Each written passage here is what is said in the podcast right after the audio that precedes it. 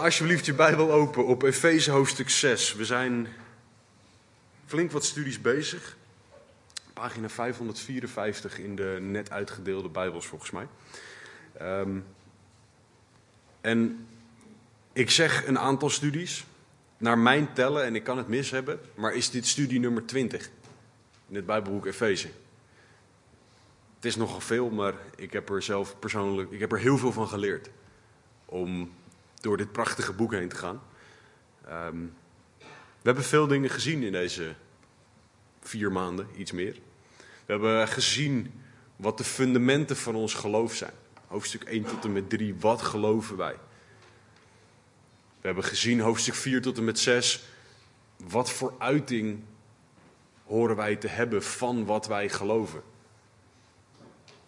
En Paulus eindigt dan zijn brief met Oké, nu jullie dit weten, weet dat er geestelijke strijd is als je dit gaat doen. Daar hebben we vorige week naar gekeken en de week daarvoor. En Paulus eindigt dan met zijn brief met gebed en zijn hart voor de kerk. En daar kunnen wij heel veel van leren. Vorige week hebben we heel kort gekeken naar gebed, heb ik eh, een aantal korte punten genoemd over vers 18. Maar ik wil vandaag met jullie echt stapje voor stapje door dat vers heen. We gaan het ontleden om te zien wat wij allemaal wel niet kunnen leren over gebed. En wat we vorige week gezien hebben, is dat we Jezus voorbeeld mogen gaan volgen. En vandaag gaan we zien hoe gaan we dat praktisch maken. We gaan kijken naar de details van gebed. Dus ik wil jullie vragen om net zoals de afgelopen weken in die mogelijk te gaan staan dat we samen dan vers 18 tot en met 24 lezen. En dan gaan we daarna gaan we samen het woord induiken. Paulus schrijft in vers 18 van Efeze 6: Terwijl u bij elke gelegenheid met alle gebed en smeking bidt in de geest, en daarin waakzaam bent met alle volharding en smeking voor alle heiligen. Bid ook voor mij, opdat mij het woord gegeven wordt bij het openen van mijn mond, om met vrijmoedigheid het geheimenis van het evangelie bekend te maken, waarvan ik een gezant ben in ketenen, opdat ik daarin vrijmoedig mag spreken zoals ik moet spreken. En opdat ook u weet hoe het met mij gaat en wat ik doe, zal Tychicus, de geliefde broeder en trouwe dienaar in de Here, u dat allemaal bekendmaken. Met dat doel heb ik hem naar u toegestuurd, opdat u onze omstandigheden zou kennen en hij uw hart zou vertroosten. Vrede, zij de broeders, en liefde met geloof van God de Vader en van de Heere Jezus Christus. De genade zij met allen die onze Heere Jezus Christus in onvergankelijkheid liefhebben. Amen. Heere God, dank u wel. Dank u wel voor uw woord. Dank u wel dat u machtige dingen tot ons wil zeggen vandaag. Heilige Geest, ik vraag u om tot in het diepst van onze harten, het diepst van onze ziel te spreken. Op die plekken waar wij het nodig hebben, zelfs waarvan wij niet weten dat we het nodig hebben. Doe alsjeblieft uw wil, geef ons open oren, open harten, om uw wil, uw woord te horen en te verstaan. Doe alsjeblieft uw werk in ons. Dat bid en vraag ik in Jezus' naam. Amen. Neem alsjeblieft plaats. We zijn in vers 18 aan het kijken naar gebed. En Paulus geeft een uitleg over gebed in de context van geestelijke strijd. Dus gebed staat voor Paulus ook echt daar heel erg centraal in. Het is een belangrijk onderdeel van de geestelijke strijd. En het is belangrijk dat wij zien als christenen dat gebed een krachtig wapen is. Zeker ook in de geestelijke strijd. Ik denk echt, en dit is misschien hard wat ik nu ga zeggen, maar dat de kerk van tegenwoordig de realiteit en het belang van gebed kwijt is. Ik denk echt dat de kerk, en daar schaar ik mezelf onder, dus dit is niet dat ik beter ben, maar ik denk dat de kerk niet meer bidt zoals de kerk zou moeten bidden. Ik denk dat wij als individuen nog maar weinig bidden zoals wij zouden moeten bidden. Gebed hoort de motor te zijn van wat wij doen. Charles Spurgeon had in zijn kerk een kelder. En daar waren ten alle tijden, zeker tijdens de kerkdienst, waren daar mensen aan het bidden. En wat hij zei, dat is de motor van mijn kerk. Niet mijn prediking. Hij werd de prins der predikers genoemd. Als je zijn preken leest, er zijn weinig mensen die mooiere zinnen in elkaar konden zetten. En toch zegt hij, gebed is de motor. Gebed hoort ons richting en visie te geven. Gebed is praten met God. Een dialoog, niet een verlanglijstje opdreunen. Dus gebed hoort spreken van onze kant, maar ook luisteren van onze kant te zijn. Warren Wiersbe heeft gezegd: gebed is de energie die de christen in staat stelt om de wapenuitrusting te dragen en het zwaard te gebruiken. Dus Warren Wiersbe zegt, en dat gaat heel ver, wij kunnen de geestelijke strijd niet strijden zonder te bidden. Zonder gebed kunnen wij niet. Het is dan ontnuchterend als we Jacobus 4:3 lezen, waar er staat: U bidt wel, maar u ontvangt niet, omdat u verkeerd bidt met het doel het in uw hartstochten door te brengen. Wij bidden vaak om onze eigen zin te krijgen. En Jacobus zegt dat zo hoort gebed niet te zijn. Het doel van gebed hoort Gods wil op aarde te zijn. En dat is anders bidden dan dat wij nu doen. En de vraag aan mijzelf, aan ons allemaal is dan bidden wij zoals God dat van ons vraagt. Weten wij nog überhaupt wat bidden is? Hoe we moeten bidden, wat we moeten vragen, wanneer we moeten vragen, hoe lang? Snappen wij nog wat gebed is? Of zijn wij de realiteit daarvan kwijt? Gelukkig wist God dat dit moment kwam. En heeft hij ons vers 18 gegeven om ons dit allemaal uit te leggen. God schrijft door Paulus heen, terwijl u bij elke gelegenheid met alle gebed en smeking bidt in de geest en daarin waakzaam bent met alle volharding en smeking voor alle heiligen. Wat Paulus hier doet, onder de leiding van de geest van God, is ons zes eigenschappen geven van gebed. Paulus zegt bij elke gelegenheid, met alle gebed en smeking. Bid in de geest. Wees daarin waakzaam. Met volharding en smeking voor alle heiligen. We gaan stuk voor stuk gaan we ze af. Maar deze zes eigenschappen van gebed, en ik zal ze zo nog rustig opnoemen, zijn belangrijk voor ons om weer te leren bidden zoals God dat van ons vraagt. Het eerste wat Paulus zegt is dat we bij elke gelegenheid moeten bidden. Dat betekent overal en altijd. Dat betekent niet dat we in het verkeer onze ogen dicht doen en onze handen vouwen, omdat we altijd en overal moeten bidden. Maar we kunnen wel gewoon altijd in ons hart bidden. Op de momenten die we hebben, dat we met onze gedachten bij de Heer zijn. In de plaats van bij het nieuws. Want we mogen weten dat we God altijd kunnen en mogen zoeken en mogen vinden ook in gebed. God zegt wie zoekt, die vindt. Dus als wij Hem ernstig zoeken, zullen wij Hem vinden. Jezus zegt in Lucas 21, 36 dat wij altijd moeten bidden. En Hij zegt dat in de laatste dagen, bid altijd. Wij leven in de laatste dagen, dus wij horen altijd te bidden. En de vraag is dan, bid jij? Als er een broeder of zuster naar je toe komt met een gebedsverzoek, bid jij dan direct? Of zeg je nee, ik zal voor je bidden? En dat bedoel ik niet negatief, want het is heel goed om voor iemand te bidden en dat gebedsverzoek mee naar huis te nemen. Maar je kan ook direct met iemand bidden. Vanochtend nog met Peter, die uh, had een, een prachtig stukje nieuws en een gebedsverzoek. Hebben we gelijk samen gebeden.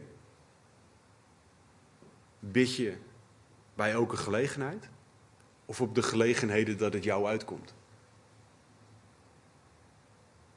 Als een ongelovige komt met een issue, durf jij dan te zeggen: Ik zal voor je bidden? Durf je te vragen: Mag ik nu voor je bidden? Doe je dat dan ook? Als je zegt dat je tegen een ongelovige, ik zal voor je bidden, doe je dat dan ook? Of vergeet je het? Bidden wij bij elke gelegenheid of doen we dat niet? Ik denk dat als de kerk weer bij elke gelegenheid zou gaan bidden, dat er zoveel verandering in de kerk zou zijn. Paulus gaat verder. Hij zegt: bid niet alleen bij elke gelegenheid, maar met alle gebed en smeking. En de, de woorden gebed en smekingen die hebben een andere betekenis. Gebed betekent gewoon algemene bijbelse waarheden waar we om mogen vragen. Dus we mogen God vragen om zijn genade. We mogen God vragen om zijn liefde. We mogen God vragen om woorden om te zeggen wanneer we voor mensen staan. We mogen God vragen om onze zonde te laten zien. Algemene bijbelse waarheden die we aan God mogen vragen. En het is belangrijk dat we dat doen. Want dat betekent dat we Gods woord bidden.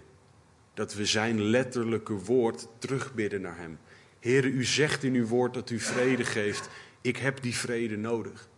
U zegt in uw woord dat u liefde geeft. Ik heb die liefde nodig. Daar mogen we om vragen. De smekingen zijn persoonlijke noden die we bij God mogen brengen. Financiële noden, geestelijke noden, fysieke noden. Heer, ik heb een gesprek met deze persoon en ik zie er heel erg tegenop. Heer, ik heb geen baan en ik heb een baan nodig. Allemaal dingen waar we God om mogen vragen. Filippenzen 4, vers 6 en 7 verwoordt het als volgt. Wees in geen ding bezorgd, maar laat uw verlangens in alles, door bidden en smeken, met dankzegging bekend worden bij God. En de vrede van God, die alle begrip te boven gaat, zal uw harten en uw gedachten bewaken in Christus Jezus. Dus wij mogen alles, maar dan ook alles bekendmaken bij God. Maar doen we dat ook? Of vinden we dat dingen te groot of te klein zijn voor God? We mogen bij elke gelegenheid met alle gebed en smeking bij God komen. Het volgende punt dat Paulus maakt is dat we in de geest moeten bidden. Warren Wiersbe legt hierover uit dat wij bidden tot God de Vader, door God de Zoon, in de Heilige Geest. Oftewel, wij moeten geleid worden door de Heilige Geest van God voordat wij juist kunnen bidden. Als God ons niet helpt om te bidden, als God geen leiding geeft in het gebed, dan gaan wij verkeerd bidden.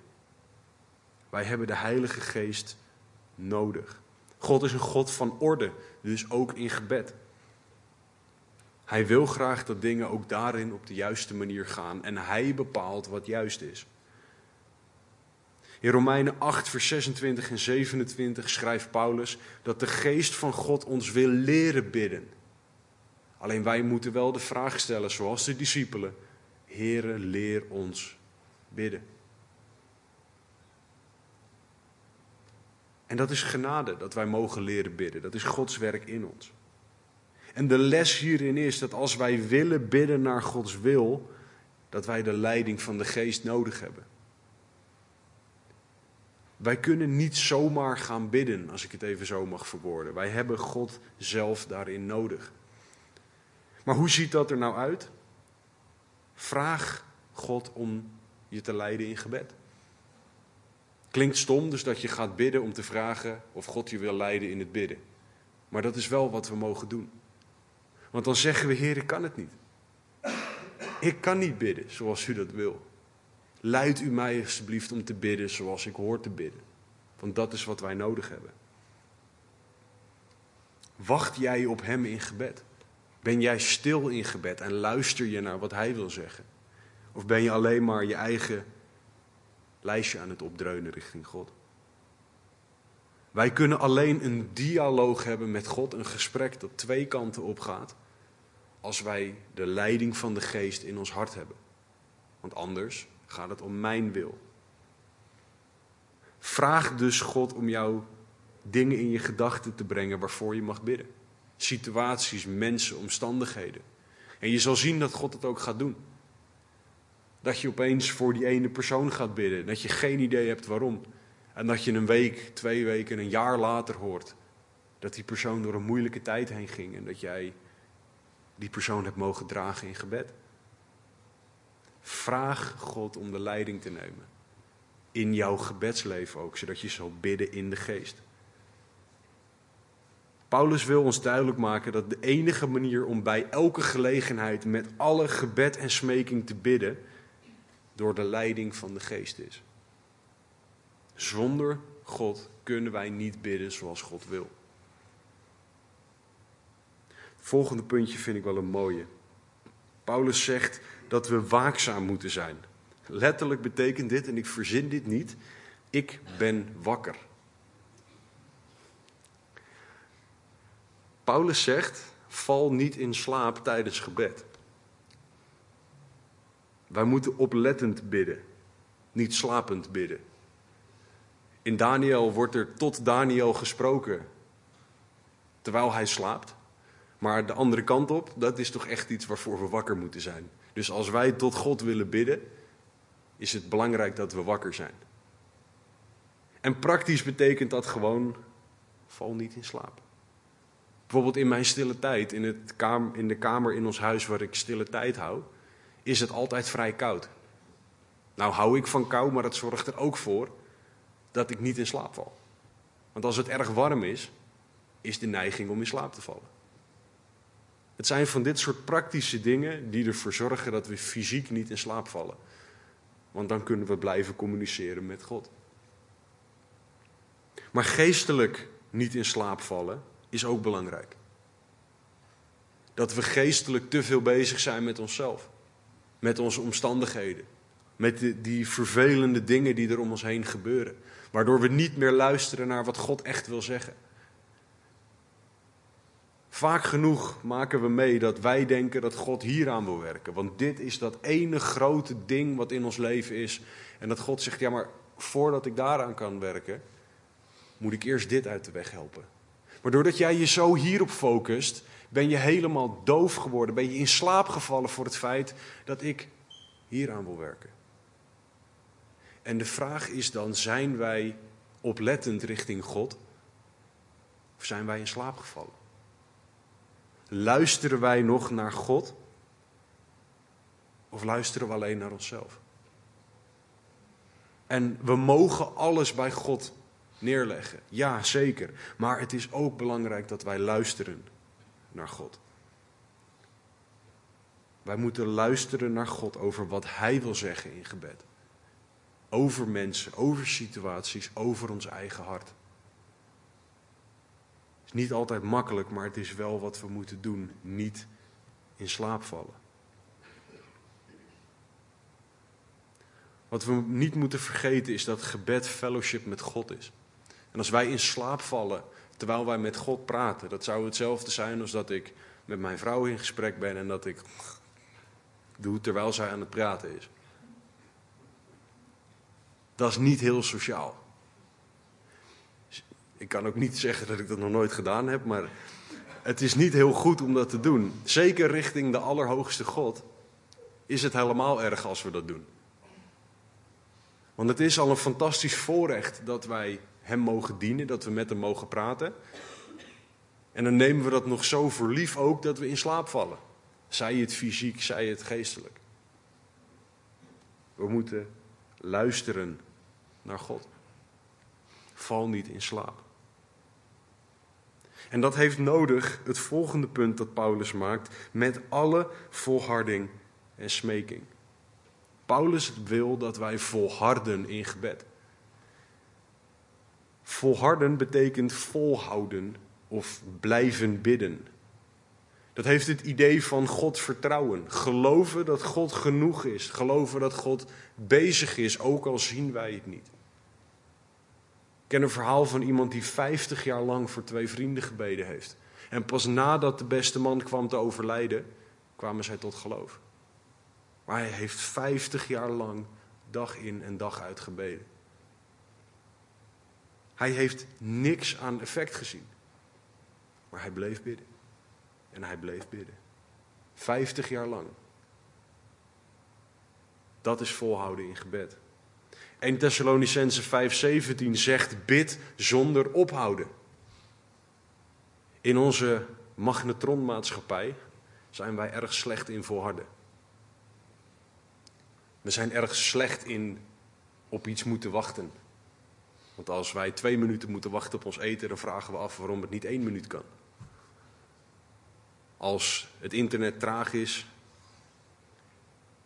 hebben we allemaal hele grote issues, want dingen gaan niet snel genoeg. Wij zijn zo slecht geworden in volharden en met wij bedoel ik ook ik. We zijn zo goed geworden in kijken naar de omstandigheden en daardoor opgeven. Of vertrouwen wij op God? Vertrouwen wij dat God alles in zijn hand heeft? En dat ondanks dat wij het misschien niet zien, dat Hij bezig is. Als wij opgeven in gebed, zeggen wij eigenlijk: Ja, maar God, u kan dit niet. Want ik zie niks gebeuren. En dan worden we soms Gods kleine helpertjes, dan gaan we het zelf proberen. Of we geven het helemaal op en we zeggen: Ja, laat ik maar zitten. God zegt: Bid zonder ophouden, met alle volharding en smeking. Volhard hierin. En het is belangrijk dat wij zien dat God een perfecte timing heeft. Het is belangrijk dat wij doorhebben dat wij echt niet zien waar God allemaal mee bezig is. Tegen een van de profeten, ik kan me niet herinneren welke, zegt God: Als ik jou zou laten zien waar ik allemaal mee bezig ben, zou je het niet geloven. En zo is het ook voor ons. Wij kunnen niet bevatten waar God mee bezig is. En toch denken wij dan dat wij kunnen bepalen wanneer God en hoe God iets moet doen. En anders geven wij het op. Als wij bidden naar zijn wil, zegt het woord, zal God het geven. Maar er staat niet bij op welke termijn. God zegt niet, als jij bidt, geef ik het twee minuten later. God doet alles perfect, dus ook timen. Hij doet alles op het juiste moment, ook als wij het ermee oneens zijn. Er staat nergens geschreven dat God onze toestemming moet vragen ergens voor. Terwijl wij dat soms wel erg fijn zouden vinden. Dus leer volharden. Vraag God om je te leren volharden. Juist ook in gebed. Juist ook in alle smekingen. En als laatste zegt Paulus als zesde punt: Ik wil dat jullie al deze dingen doen bij elke gelegenheid, alle gebedsmeking, in de geest, waakzaam, volharding voor alle heiligen. Het zou zo goed zijn hè, als wij als kerk voor de heiligen zouden gaan bidden. Meer voor de heiligen zouden gaan bidden. En ik zeg daarmee niet dat wij de naam van elke christen in de wereld moeten weten om voor alle heiligen te kunnen bidden. Maar begin bijvoorbeeld hier gewoon eens in de kerk. Hoe vaak bidden jullie voor de mensen in deze kerk? Hoe vaak pakken jullie de adressenlijst erbij die we hebben en bidden jullie voor iedereen die op die lijst staat? Ik kan je vertellen, dat duurt ongeveer anderhalf uur. Om en nabij. En anderhalf uur kunnen wij echt wel maken. Vinden. Bid voor christenen wereldwijd. Als je broeders en zusters kent in andere landen, bid voor ze. Je kan ook in zijn algemeenheid bidden voor onze verdrukte broeders en zusters, die niet zo vrij samen kunnen komen als wij hier. Je kan bidden voor broeders en zusters waarvan je de namen niet weet.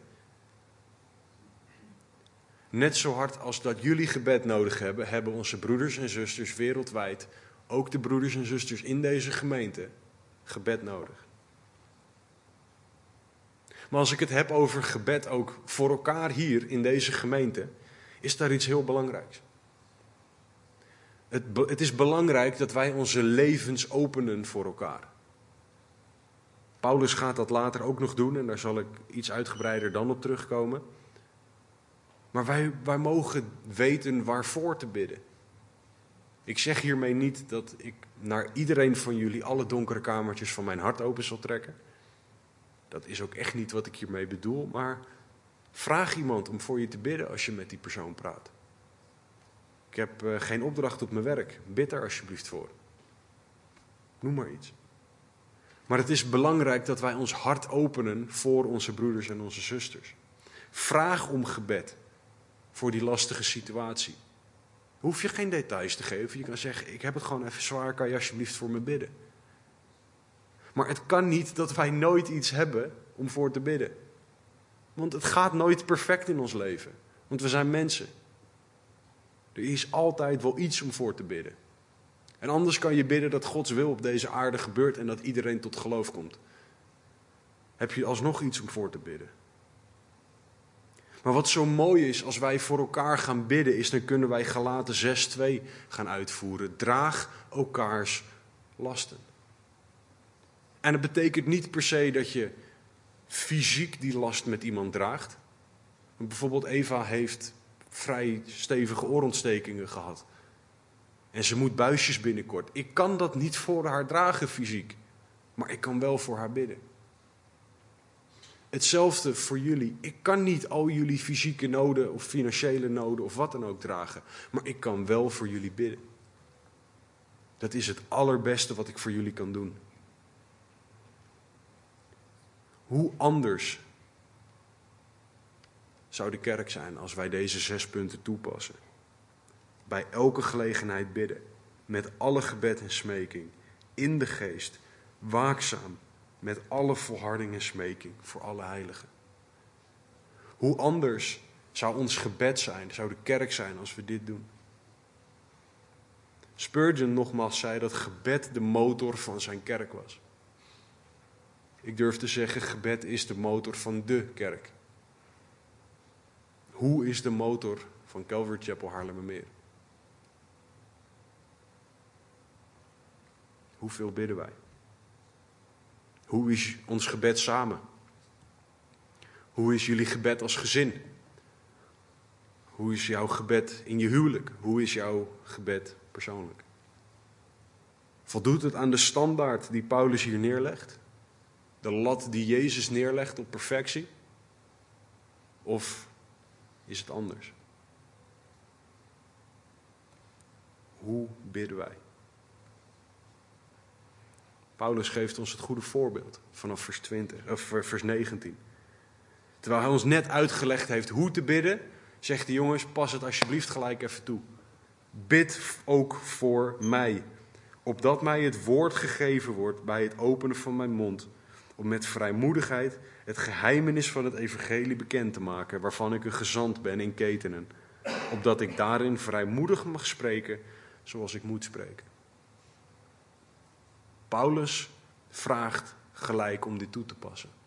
En wat ik fijn vind, is dat de grote apostel Paulus, die bij heel veel mensen erg hoog staat, en dat is niet per se slecht, maar had gebed nodig.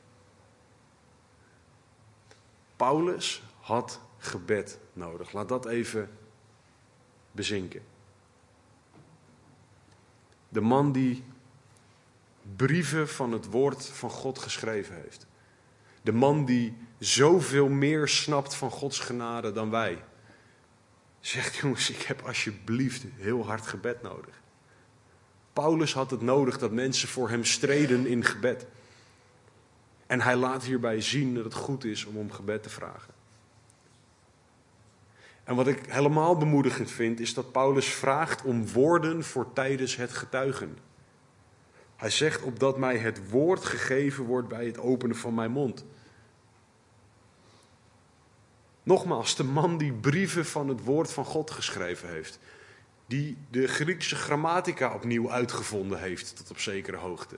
Dus de zinnen die hij maakt slaan nergens op grammaticaal. Zo fantastisch mooie constructies maakte hij. En hij zegt: Ik heb woorden nodig. Paulus wist dat hij zelf niet kon getuigen, maar dat hij God en zijn woorden nodig had. Paulus had vrijmoedigheid nodig in het delen van het woord. En vrijmoedigheid betekent vrijheid in het hoofd en in het hart om God te delen met mensen. En dat stelt mij gerust, want ik vind dit ook niet altijd makkelijk. Dus ik mag ook vragen: Heer, geef mij vrijmoedigheid. Ik mag aan jullie vragen, bid voor mij, want ik heb vrijmoedigheid nodig. We mogen dit aan God vragen. Want Paulus geeft ons in het woord van God het goede voorbeeld hiervoor. Dus mijn oproep aan jullie allemaal is ga bidden. Niet nu, blijf alsjeblieft nog even luisteren. Maar ga bidden. Als je getrouwd bent met een christen, bid met je partner. Ga samen bidden. Als je niet getrouwd bent, zoek medechristenen op. Je kan via de telefoon met elkaar bidden. We hebben meer middelen dan ooit om op afstand met iemand te bidden. Onderschat alsjeblieft de waarde en kracht van gebed niet. Dus laat aan elkaar zien wat het goede voorbeeld is. Laat aan de kinderen in de kerk zien wat het goede voorbeeld is. Er is een fantastisch lied dat zegt, ik zal het eerst in het Engels voorlezen en daarna vertalen. Oh, what peace we often forfeit. Oh, what needless pain we bear. All because we do not carry everything to God in prayer. Oh, wat een vrede laten wij vaak voorbij gaan. Oh, wat een nodeloze pijn dragen wij. Allemaal omdat wij niet alles in gebed bij God brengen. Dat is zo waar. Dus ga bidden. Zie dat gebed een krachtig wapen is. Ga God vragen om je te leiden in het bidden van de juiste dingen. Bid dat God je zal leiden in het uitvoeren van gebed.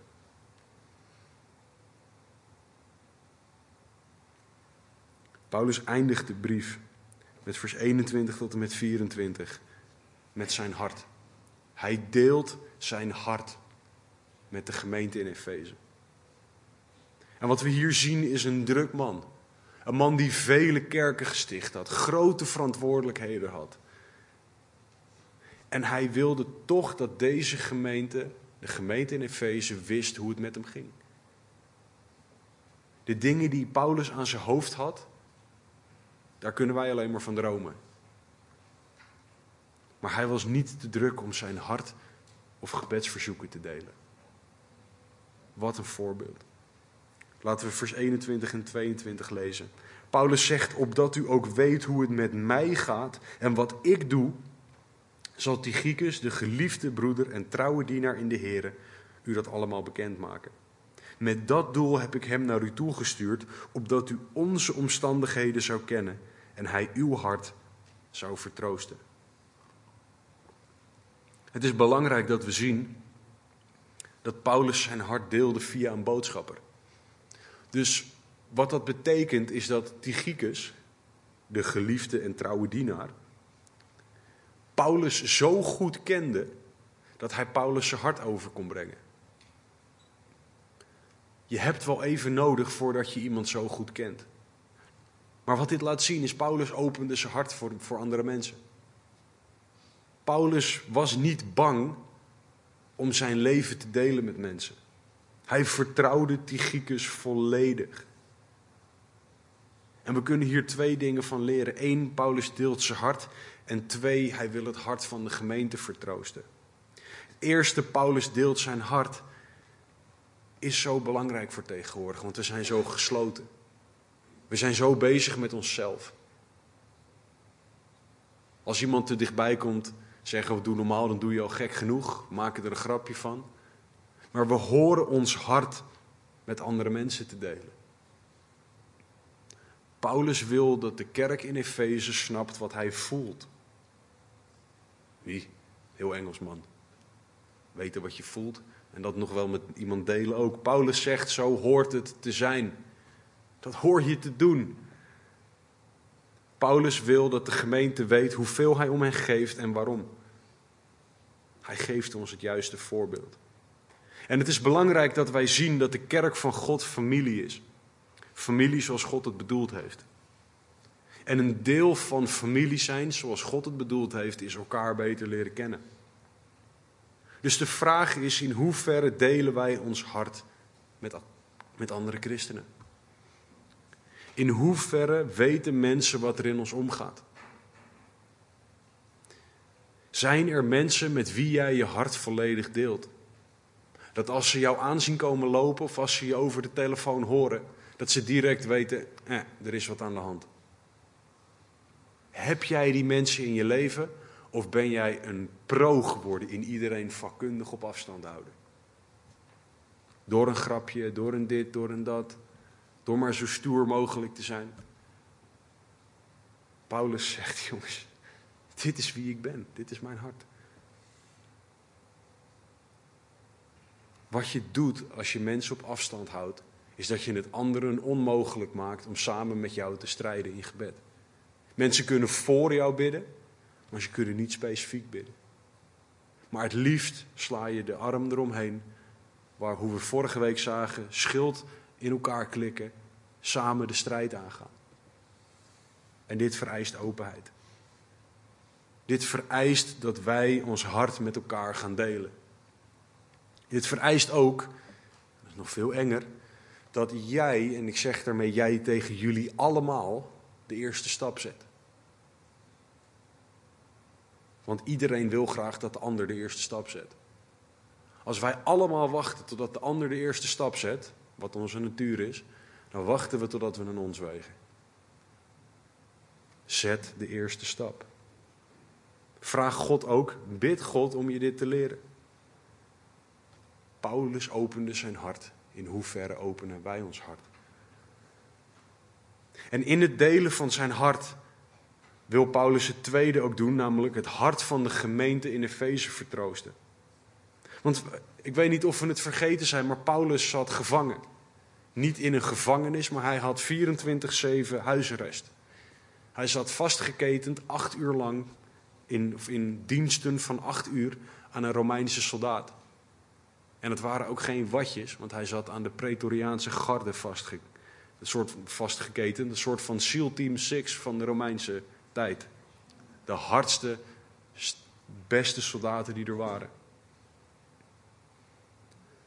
Maar Paulus, ondanks dat dat zijn omstandigheid was, wilde het hart van de gemeente vertroosten. Hij wilde hun geruststellen en daarom stuurde hij Tychicus, degene die zijn hart zo goed kende. Paulus was niet bezig met zichzelf, maar hij was bezig met het welzijn van de gemeente. In Oostenrijk was Rod Thompson, was een fantastische kerel. En die had het erover hoe wij soms wel eens zelfmedelijden kunnen hebben. En wat hij zei is, um, dan trek je je jurk aan als man en dan ga je gewoon in een hoekje zitten en heel hard zitten huilen, een pity party. Gewoon even lekker een zelfmedelijdenfeestje. En dat is niet wat Paulus deed. Die ging niet medelijden zitten hebben met zichzelf. Kijk mij eens zielig zijn. Maar die richtte zich op de ander. Hoe hij de ander kon dienen. Dus de vraag is dan, waar ben jij op gericht in jouw omstandigheid, in jouw situatie? Houden Gods gemeente en haar opbouw, haar welzijn jouw gedachten bezig? Of ben jij bezig met je eigen situatie, je eigen issues, je eigen. Vul dat maar in. Waarbij ik niks af wil doen aan die dingen. Maar in Paulus' situatie laat hij zien wat een ongelooflijk hart hij heeft voor Gods koninkrijk. Paulus was door zijn hart te delen, door de gemeente te willen vertroosten, bezig met de opbouw van de kerk. En laat duidelijk zijn, de kerk is niet een gebouw met een mooie kerkbel erin. De kerk bestaat uit mensen. Dus Paulus was bezig met de opbouw van de mensen in Gods koninkrijk.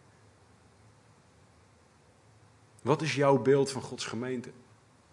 Bid jij voor de kerk en de mensen die waar de kerk uit bestaat? Bidden jullie voor visie voor de kerk, voor de leiders van de kerk? En dit is geen pleidooi om voor mij specifiek te bidden, maar bidden jullie voor leiders in de kerk? Hoe is jullie hart? Hoe is jouw hart voor Gods kerk? Is dat zoals Paulus' hart, zoals Jezus' hart, of is dat anders?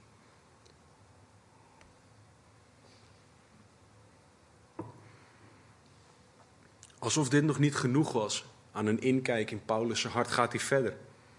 In vers 23 en 24, hij zegt, vrede, zei de broeders, liefde met geloof van God de Vader en van de Heere Jezus Christus. De genade zijn met allen die onze Heere Jezus Christus in onvergankelijkheid liefhebben. Amen. Wat Paulus hier doet, is hij gaat nog een laagje dieper aan een, aan een inkijk in zijn eigen hart. Over wat er in hem leeft. Nogmaals, Paulus zat gevangen, 24-7 huisarrest, huisarrest. En toch zegt hij, ik wens jullie vrede, liefde, geloof en genade. Hij zegt niet, bid alsjeblieft voor mij dat ik heel snel van deze gasten verlos raak, want ze stinken zo. Hij zegt niet, die ene die de hele tijd komt, die op dinsdagen de hele tijd komt, dat vind ik me toch een vreselijke kerel, bid alsjeblieft tegen hem. Paulus zegt, jongens, ik wens jullie, terwijl, maakt niet uit waar ik zit, jullie wens ik vrede, liefde, geloof en genade toe. Ondanks zijn eigen omstandigheden. We hebben Paulus in deze hele brief niet één keer horen klagen. Niet één keer. Daar kunnen wij cynische, zeurende Hollanders een hoop van leren. Als we nergens over kunnen klagen, gaan we het wel over het weer hebben. Paulus zegt: Ik wens jullie vrede. En het is heel bizar dat Paulus met vrede begint, want hij had alle reden om, om rusteloos te zijn. Maar Paulus had vrede. Hij had vrede omdat hij die van God ontvangen had en daardoor kon hij het doorgeven. Paulus wist waar hij naartoe ging. Hij had zekerheid van redding. Het besluit van de Romeinse keizer maakte voor hem helemaal niet uit. Want hij wist waar hij naartoe ging. Paulus wist wie zijn toekomst vasthield. Hij had zelf vrede en daardoor kon hij zeggen: Ik wens jullie de vrede van God toe. Paulus zegt: Ik wens jullie liefde toe, ondanks mijn omstandigheden. Het is niet zo dat mijn omstandigheden bepalen hoeveel God van mij houdt. God houdt van mij en omstandigheden is iets anders. In die omstandigheden houdt God van mij. En het gaat hier om onvoorwaardelijke liefde, is wat Paulus zegt. Paulus wil dat deze liefde zal regeren in deze gemeente. Hij wil dat ze gaan zien hoe groot, hoe diep, hoe rijk en fantastisch Gods liefde is. De enige reden dat Paulus dit kon zeggen was omdat hij Gods liefde had meegemaakt. Hij had Gods liefde ervaren. Hij wist waarover hij sprak. En hij wilde dat de kerk, Efeze, maar ook wij, Gods liefde zo en meer zouden gaan leren kennen. Dat kan alleen als je het zelf eerst ervaren hebt. Daarna zegt Paulus: Ik wil dat jullie liefde met geloof hebben. Geloof is vertrouwen op God. Weten dat er iets komt, 100% zeker weten dat iets komt, terwijl je het niet misschien rationeel kan bewijzen. Het is vertrouwen dat God is wie Hij zegt te zijn. Dat Hij kan doen wat Hij zegt dat Hij kan. Het is geloven dat God trouw is aan Zijn woord. Het is meer op God vertrouwen in elke situatie. Dat is wat Paulus deze gemeente toewenst. Dat is wat wij nodig hebben. En ook hier, Paulus zit in een situatie waarin het moeilijker is om in God te geloven. In een goed God dan in onze situatie. Of, laat ik het zo zeggen, dan wanneer alles goed gaat. En toch zegt Paulus, ik wil dat jullie geloof toeneemt. Paulus wil dat wij zien in vers 23 dat de vrede, liefde en geloof van God de Vader en van de Heere Jezus Christus komen. Paulus zegt niet, het is, het is dat ik in Rome zit. En in Rome, in deze gevangenis of in deze situatie, kan ik deze dingen ontvangen. Maar dat is alleen omdat ik fysiek hier ben. Zoals bij heel veel geloven jouw fysieke locatie van belang is. Kijk naar Mekka, Jeruzalem, dat soort dingen. Paulus zegt nee, het is van God de Vader en van de Heer Jezus Christus. Omstandigheden, situatie, het maakt niet uit. En dit zijn dingen die wij aan God mogen vragen, omdat God zelf ons dit moet geven. Door het offer van Jezus Christus, door het werk van de Heilige Geest in ons. En Paulus eindigt met het grootste cadeau dat de mens ooit gehad heeft. Met genade. Want genade is, als je de definitie van genade pakt, is het iets wel krijgen dat je niet verdient. Maar als je de Bijbelse definitie van genade erbij pakt, ik denk dat ik het zo enigszins juist verwoord, dan is het dat Jezus Christus naar de mens toegekomen is. Dat is genade. Want dat is iets dat we niet verdienden. Dat God van ons houdt is iets dat we niet verdienen. Maar dat zijn de uitingen van de genade dat Jezus Christus naar de aarde toe kwam. Dat is de genade waar Paulus het over heeft. Daarom kan Paulus ook zeggen in 2 Korinthe 12:9: Mijn genade is voor u genoeg en het is Gods genade. Omdat hij snapt, het is Jezus Christus in mijn hart. Dat is genade en dat is wat ik nodig heb. En Paulus' wens voor de kerk is dan dat er een groeiend besef hiervan komt.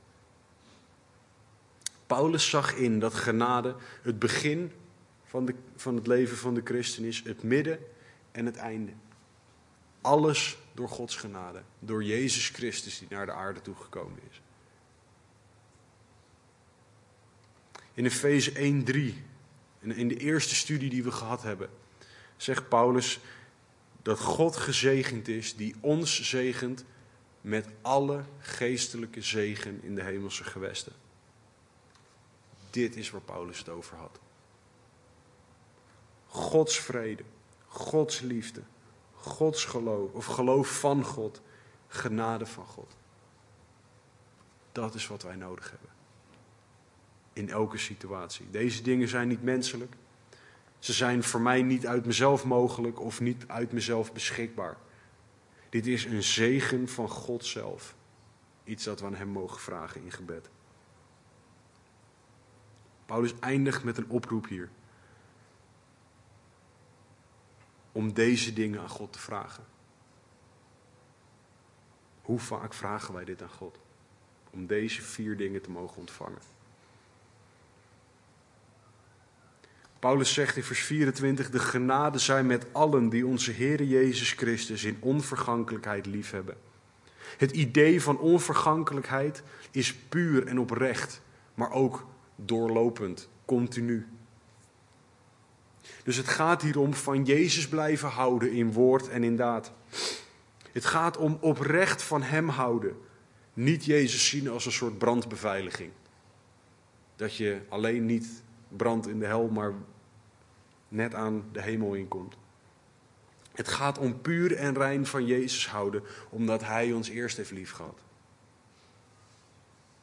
Tegenwoordig willen we altijd weten, what's in it for me? Hoe word ik hier beter van? Terwijl wat Paulus zegt is, hou nou gewoon van Jezus. Dat is daar wordt hij beter van. En uiteindelijk word jij er misschien beter van. Maar het gaat erom dat we van God houden. Onvergankelijk, eeuwig en puur van God houden. Dat kan alleen als God in ons werkt. Paulus zegt: blijf dicht bij Jezus. En deze hele brief heeft hij ons teruggebracht naar wie Jezus is. Wat Jezus voor ons gedaan heeft. Wat het effect is in de kerk.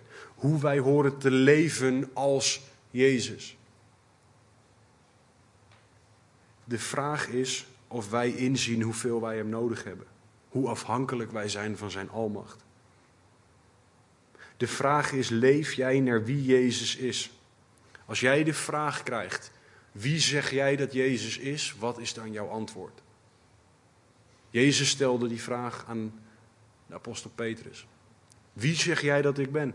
Wie zeggen jullie dat ik ben? U bent de zoon van de levende God, was het juiste antwoord. En dat was het antwoord dat Paulus gaf.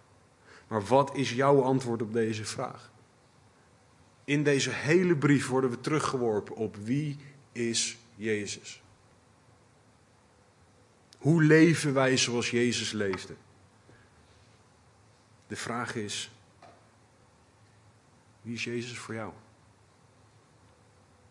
Als jij nog niet gelooft in deze Jezus, dan mag je weten dat hij 2000 jaar geleden naar de aarde toe kwam omdat hij van jou houdt. Dan mag je weten dat hij jouw en mijn straf gedragen heeft voor de zonde. Want zonde is overtreding van Gods perfectie. En dat verdient straf. Maar Jezus droeg die straf voor jou en voor mij en stond op uit de dood nadat hij aan het kruis gestorven was. God houdt zoveel van jou dat hij jou en mijn marteldood stierf, die wij hadden verdiend. God wil jou zijn kind noemen. Hij wil dat jij jouw leven aan hem geeft, zodat jij zal leven voor hem. Dus leg je leven zo direct in gebed bij hem neer, als je hem aan wil nemen. Leg al jouw pijn, jouw verdriet, jouw moeite, vragen, jouw zonde bij God neer. Geef jezelf aan Hem. Als jij al wel gelooft, wie is Jezus Christus voor jou? Is Hij brandbeveiliging? Dat je in de hemel komt en dat je je nieuwe hemelse kleding nog een beetje naar rook ruikt? Of is Jezus jouw alles? Sta jij stil bij wat God voor jou gedaan heeft? Denk jij na over Jezus' werk aan het kruis? Is dat waar jouw leven van afhangt? Bepaalt dat hoe jij leeft, hoe jij bidt, dat jij je hart opent naar mensen, hoe jij naar Gods kerk kijkt? Of bepalen jouw eigen gedachten dat? Ren terug naar het kruis. Leg je leven opnieuw bij het kruis neer. Vraag God om zijn vrede, zijn liefde, zijn geloof en zijn genade in jou te leggen. Zodat je zal leren bidden naar zijn wil, dat je je hart zal leren openen naar elkaar, dat je een hart voor de gemeente zal krijgen, waar we het vandaag over hebben gehad. Vraag God om jou opnieuw te vullen met zijn geest, zodat je zal leren bidden zoals Jezus bad. Vraag God om het vuur voor Jezus weer aan te wakkeren in jouw leven. Want dat is wat Paulus had. Hij keek naar Jezus Christus en daardoor kon hij deze dingen schrijven. De vraag is, waar kijken wij naar? Naar wie? Laten we bidden. Heere God, dank u wel. Heere Jezus, dank u wel. Dank u wel voor uw offer aan het kruis. Dank u wel voor uw liefde. Dank u wel dat u alles gedragen hebt, Heer. Dank u wel dat er geen zonde is die u niet wil vergeven, Heer, behalve als wij u tot, tot en met onze dood systematisch blijven afwijzen. Dank u wel, Heer, dat u ons wil leren bidden. Dank u wel dat u ons wil leren om kerk te zijn, door ook ons hart te openen naar elkaar toe. Maar Heer, u weet wat een ieder hier nodig heeft. Ik bid dat u op dit moment tot een ieders hart zal spreken. Ik bid dat u een ieder zal overtuigen van die dingen die misschien nog niet juist zijn. Ik bid dat u een ieder zal bevestigen in de dingen die wel juist zijn. Ik bid dat u een ieder uzelf zal laten zien, heren, want dat is zo belangrijk. Paulus kon deze dingen schrijven omdat hij u had gezien. Omdat hij wist wie u was en meer groeide in wie u bent. Dus Heer, op dit moment is mijn gebed dat u tot een ieder zal spreken. Dat u in ieder aan zal spreken waar, waar zij op dit moment zijn. Dat u ze zal trekken tot uw eigen hart. Doe uw wil alstublieft. En terwijl je je ogen dicht houdt, wil ik je vragen om gewoon echt de Heer te gaan zoeken. Bid, Hij verstaat je gedachten. Vraag Hem om je te laten zien wat er misschien nog niet juist is in je leven. Vraag Hem om tot jou te spreken. Ik wil aan Amit, Joanny en aan Elvira vragen om aan de zij- en de achterkanten van de zaal te gaan staan. En als jij gebed nodig hebt, ga dan naar een van deze mensen toe. Bid samen met hen. Vraag hen om gebed voor iets. Voor die dingen die je nodig hebt. Want wij hebben allemaal gebed nodig.